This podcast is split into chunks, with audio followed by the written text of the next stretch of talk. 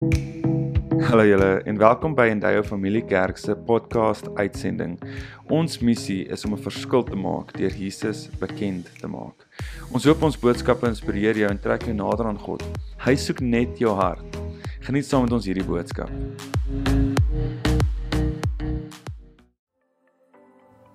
Hallo Endeavour Familie, ek is so opgewonde oor die woord wat ek vandag met jou wil deel. Ek lag nou die dag en ek hoor hoe my bure se seentjie besig is om te huil en te kla. En hy sê dat COVID het helfte van sy erfporsie gesteel. En ek wonder toe by myself, maar hoe is dit moontlik? En ek vra toe vir hom, maar hoe het COVID helfte van jou erfporsie gesteel? En hy sê vir my, tydens COVID het sy ma swanger geword. Maar miskien was COVID 'n tyd waar baie kinders nou gebore gaan word in hierdie tyd maar daar's iets daarvan wanneer dit kom by wanneer jy iets gaan erf of iets gaan kry. Hoekom is erf so belangrik?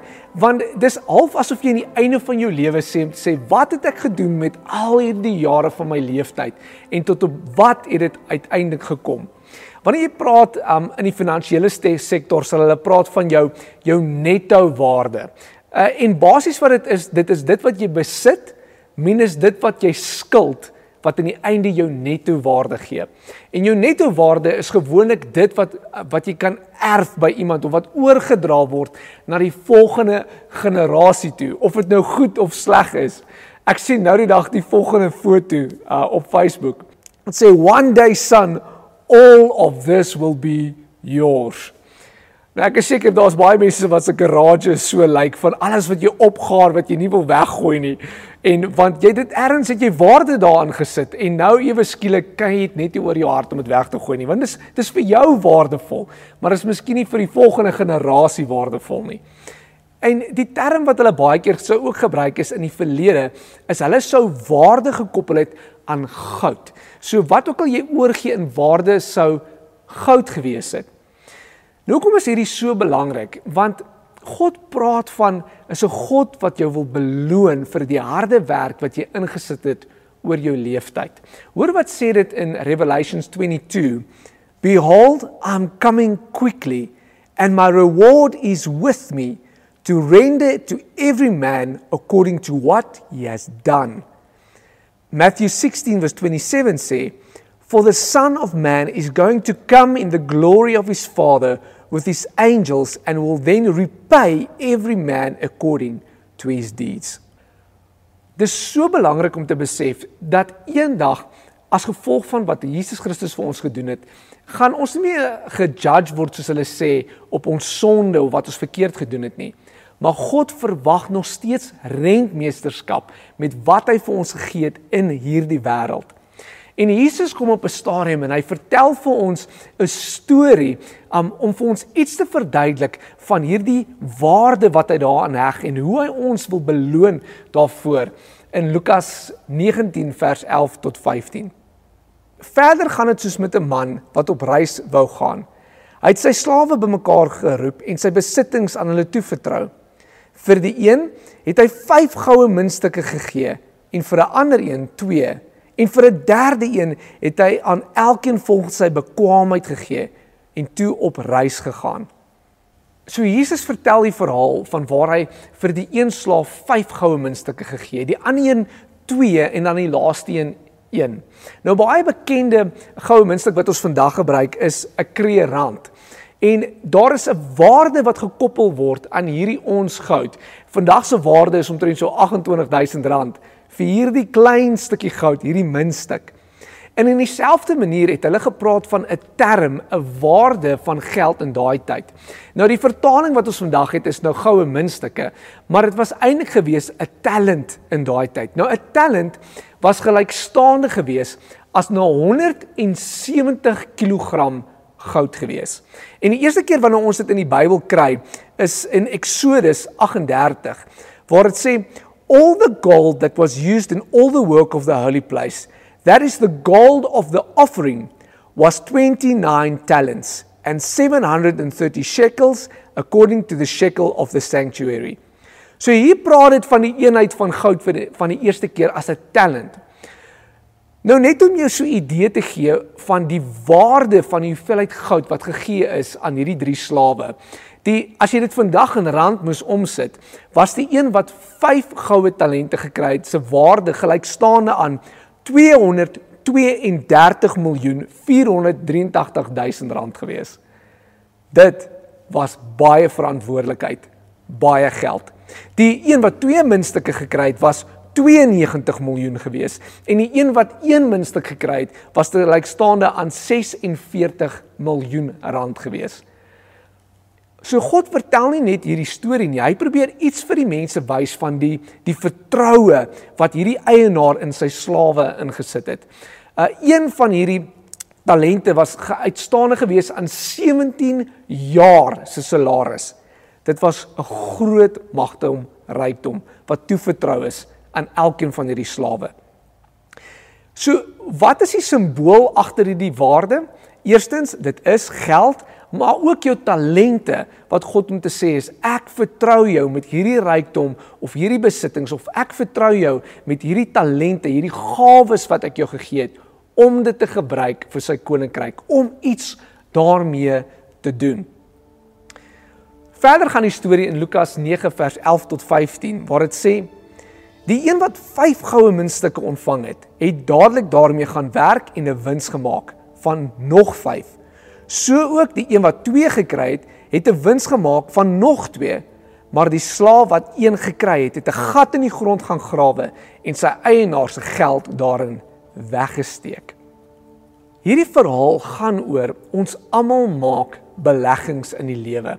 Wanneer ek 'n belegging maak, beteken dit ek sit 'n hoeveelheid tyd, energie, um 'n hoeveelheid bates of waardes in iets in juis met die verwagting sodat dit meer sal word of dat ek iets daaruit sal kry.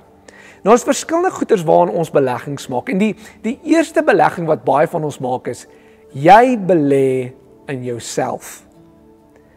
Wanneer jy tyd of geld spandeer op jouself, is jy besig om 'n belegging te maak. Dit kan byvoorbeeld wees 'n mooi kar wat jy koop of 'n huis, of dit kan wees dat jy geld in jou studies insit of in jou skool insit. Jy is besig om 'n belegging te maak in jouself. Dit kan selfs wees dat jy belegging maak in jou ontspanning. Jy jy haal min of baie geld uit vir jouself vir ontspanning of dit kan wees vir jou gemak, hoe jy in hierdie lewe lewe. En God het geen probleem met die feit dat jy 'n belegging maak in jouself nie. Inteendeel, hy sien dit as 'n goeie ding. Maar die oomblik wanneer ons net in onsself begin belê, dan raak dit 'n probleem. So hoe sien jy waar wat vir mense belangrik is? Is baie eenvoudig. God sê kyk na waarin jy hulle belê. Matteus 6 vers 21 sê waar jou skat is, daar sal jou hart ook wees. So baie eenvoudig. Vir die een persoon sal 'n baie mooi kar belangrik wees. So hy sal baie geld daarop spandeer. Maar vir daai selfde persoon as hy kyk na iemand anders se huis, dan is dit miskien nie vir hom iets van groot waarde nie. Jy kan baie maklik sien waar jy tyd spandeer of waar jy belê deur die geld wat jy daarop spandeer. Maar die oomblik wanneer jou hele lewe gaan oor om net rykdom bymekaar te maak vir jouself, kyk God neer op dit. Hoor hierdie gedeelte wat ons lees in Lukas 12 wat Jesus daarvan praat. And I'll say to myself, you have plenty of grain laid up for many years. Take life easy. Eat, drink and be merry. But God said to him, You fool, this very night your life will be demanded from you. Then who will get what you have prepared for yourself? So wat sê God se woord? Dis goed om in jouself te belê, maar wees versigtig dat jou belegging net oor jouself gaan. Die tweede ding waaraan ons belê is jy belê in ander mense. Jy is besig om te belê in ander mense. Um Hebrews 6 verse 10 sê God is not unjust. He will not forget your work and the love you have shown him as you have helped his people and continue to help them. Ons is besig om finansiëel in ander mense te belê of ons is besig om ons tyd in ander mense te belê. Die ander woord daarvoor is mentorskap of of disippelskap. Ek is vandag wie ek is deur God se genade alleen en deur ander mense wat hulle tyd, hulle geld en hulle energie in my lewe in belê het. As ek net 'n paar mentors kan noem, is my pa natuurlik een van my grootste mentors en my ma. Maar ander mentors wat ek dadelik kan noem is Delhart de Villiers, Swys de Kok, Marius Braxton, Dion Swart, 'n klomp mense wat in my lewe tyd belê het, opofferings gemaak het om seker te maak dat ek 'n man van God word, 'n man van karakter. Ons belê elke liewe dag tyd en geld in mense se lewens in. En die kerk se werk is juis om in mense te belê, juis om energie en tyd te vat en in mense se lewens te belê sodat dit 'n goeie belegging kan wees en goeie vrug kan opdra. Hier is 'n baie goeie getuienis van Teresa en Jay en hoe die kerk ook in hulle lewe belê het.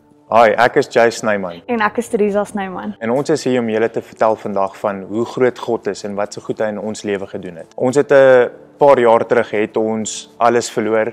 Ons lewe en ons huwelik was op die rotse en ons het ook ons kinders verloor as gevolg van dwelms. Hy wou also net ons kinders weggevat en hulle het gesê dit gaan 'n 4 jaar proses wees om hulle terug te kry by ons. Nou as 'n mamma is dit baie erg. Want jy wil altyd net jou babatjies by jou hê. En ek het myself letterlik elke aand amper elke aand aan die slaap gehuil want ek wil net my babatjies by my gehad het. So ek het ek weer swanger geraak. En in die omstandighede waar ons gebly het, het iemand my erg aangerand en my my maagie geskop en my babatjie is oorlede. En met dit uh, was ons baie gebroke gewees en uh, ek het 'n werk gekry, was standvastig en met alles wat aangaan het dit ook nou eh, die COVID lockdown gehad en ons het nie geweet wat se kant toe nie. En dis toe ons uitgereik het na die Endayo familiekerk toe. Hulle het ons gehelp met kospakkies, hulle het ons gehelp finansiëel, hulle het ons gehelp net waar hulle kon en ook geestelik het hulle ons baie gehelp. Hulle het ons gehelp om ons kindertjies terug te kry. Dit was 'n groot wonderwerk. Hulle het my selfbeeld, my help om my selfbeeld op te bou. Ek het nuwe tandjies gekry. Want my tandjies was baie lelik geweest as gevolg van dwelms. Ja, en uh, ons wil basically net sê dat al die lof en eer en alles wat in ons lewe gebeur het en nog gaan gebeur is alles te danke aan die Here. En as jy dalk sukkel met iets en jy het 'n probleem en jy het hulp nodig, reik uit na jou Here Jesus Christus toe. Baie dankie Teresa en Jay. Dis 'n awesome getuienis. Iets van wat dit beteken om mense se lewens te belê en om in goeie grond te belê. Nou die derde ding wat kan gebeur is wanneer jy beleggings maak is jy verkoos dit wat jy het. Dit wat God jou mee vertrou het, gaan begrawe jy. Jy steek dit weg. Jy doen niks daarmee nie. En baie mense verkoos hulle lewe deur in sonde te lewe om te dink dat alles net oor hulle gaan of of net niks omtrent die talente te doen wat God vir hulle gegee het nie. Maar God wil hê dat ons goeie beleggings moet maak. En ek sal altyd vir mense sê, hoe weet jy wanneer iets 'n goeie belegging is? Jy belê eers so bietjie tyd of so bietjie van jou geld en talente in mense of in jouself of of in dinge om jou en dan hou jy dit dop. Is daar besig om vrug uit dit uit te kom? Selfs Jesus het iets van daai prinsip verstaan. Waar hy gepraat het in Matteus 13, sê die man by wie daar op goeie grond gesaai is, is hy wat die woord hoor en dit verstaan. Hy dra inderdaad vrug en lewer 'n oes, soms 100voudig, 60voudig of soms 30voudig. God is 'n God wat jou wil beloon. Hy wil jou beloon vir jou goeie dade in hierdie wêreld. Hy's 'n pa wat vir sy kinders sorg. En ons gaan verder in hierdie verhaal waar die slaaf wat 5 muntstukke is, kom na sy meester toe en vir hom sê: Hier is die 5 muntstukke wat u vir my gegee het. En hier is nog 5 eenhede van goud hoe ek dit vermenigvuldig het meer gemaak het. En hoor wat sê die Here in Lukas 19 hy sê toe sê die eienaar vir hom mooi so. Jy is 'n goeie en getroue slaaf. Oor min was jy getrou oor baie sal ek jou aanstel. Kom en deel in my vreugde. God is 'n God wat jou wil beloon. Hy wil hê dat jy moet risiko's in geloof vat, juis om dit wat hy jou mee vertrou het te vermenigvuldig sodat hy glorie daarvoor kan ontvang. Besef die ewigheidswaarde van wat jy doen in die lewe. Besef dat wat jy in hierdie lewe doen, gaan eendag jou erfporsie wees in die hemel. Dit is wat God jou mee wil beloon. Inteendeel God sê ons moet die waarde verstaan van dit wat hy ons mee vertrou het van die koninkryk van God. Hy skryf in Matteus 13 vers 44 waar hy sê met die koninkryk van die hemel gaan dit soos met 'n skat wat in 'n saailand onder die grond lê. Wanneer iemand dit kry, maak hy dit weer toe. En omdat hy baie in sy skik is, gaan verkoop hy alles wat hy het en hy koop daardie land. Met die koninkryk van die hemel gaan dit so met 'n handelaar wat op soek is na goeie parels. As hy 'n baie waardevolle parel raakloop, gaan verkoop hy alles wat hy het en hy koop die parel. Enige finansiële adviseur sal vir jou sê dat langtermynbeleggings is waarna ons moet belê. Wanneer ek gee vir God se koninkryk my tyd, my talente, ek werk met dit waarmee hy my toevertrou het, is ek besig om 'n langtermynbelegging te maak. Dis my interessant dat in die kultuur van Christendom wil ons baie keer iets nou saai, iets nou doen en onmiddellik wil ons die beloning daarvoor hê. Ons soek dit daai selfde maand of daai selfde jaar om te sê, Here, ek belê in die koninkryk, maar maar ek soek asseblief nou terug in hierdie leeftyd. Dit is 'n korttermyn belegging. Maar die oomblik wanneer ek in God se koninkryk saai, ek goed is vir ander mense, in mense belê, dan is ek besig om eintlik vir myself te sê, Here, ek wil nie nou die beloning in hierdie wêreld hê nie. Ek wil die groter beloning hê in die ewigheidswêreld, in die hemel eendag. En dit is waarvoor ek werk vir u koninkryk. Wees versigtig vir die prosperity teaching van waar jy alles net nou wil belê om nou so vinnig as moontlik geld te maak because this is greed. En ons moet so versigtig wees in ons kristendom daarvoor. Daar is baie mense in hierdie wêreld wat miskien baie aardse besittings het, maar geen hemelse beleggings het nie. Hoe lyk jou hemelse beleggings? Is jy besig om in die regte goed te belê? Ewigheidsbeleggings vat groot geloof. En die enigste manier wat God na ons kyk en sê jou goeie getroue dienskneg is wanneer ons groot stappe van geloof neem. Is jy besig om goeie beleggings te maak? Ek wil net 'n paar vrae vra in jy, die geestelike reis wat jy het. Die eerste vraag wat ek jou wil vra is: besef jy dat God jou vertrou vir goeie rentmeesterskap in jou lewe? Besef jy dat hy so groot in jou glo dat hy dit vergelyk met 170 kg goud wat hy vir jou gee, miljoene rande wat hy jou mee vertrou om iets daarmee vir hom te doen. Besef jy dat al voel jy die bietjie wat jy het is nie baie nie, sê God as jy reg daarmee werk, sal hy jou goed beloon want oor min was jy aangestel en oor baie sal jy aangestel word. Besef jy die ewigheidswaarde aan aan dit wat God jou mee vertrou het? Dat dit jou erfenis gaan wees, dat hy eendag jou gaan inroep en vir jou gaan sê, "Wat het jy gedoen met dit wat ek vir jou gegee het?" Het jy net in jouself belê of het jy in ander mense belê? Of het jy dit wat God jou gegee het net gaan begrawe en niks daarmee gedoen nie? So ek wil jou aanmoedig dat jy goeie beleggings in God se koninkryk sal maak. Miskien het jy nodig om vandag te sê, Here, vergewe my vir die slegte beleggings wat ek gemaak het, waar die hele lewe net oor myself gedraai het. Ek wil vra daar waar jy is dat jy oor vir 'n oomblik sal sluit.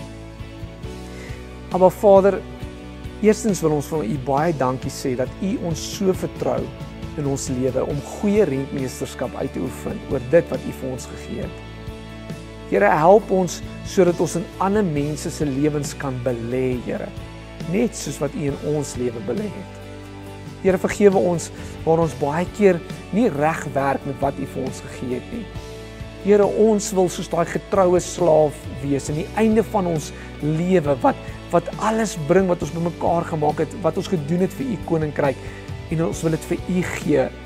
Soos die woord sê, sal ons dit voor U troon neersit en sê heilig, heilig is U. En ons sê amen.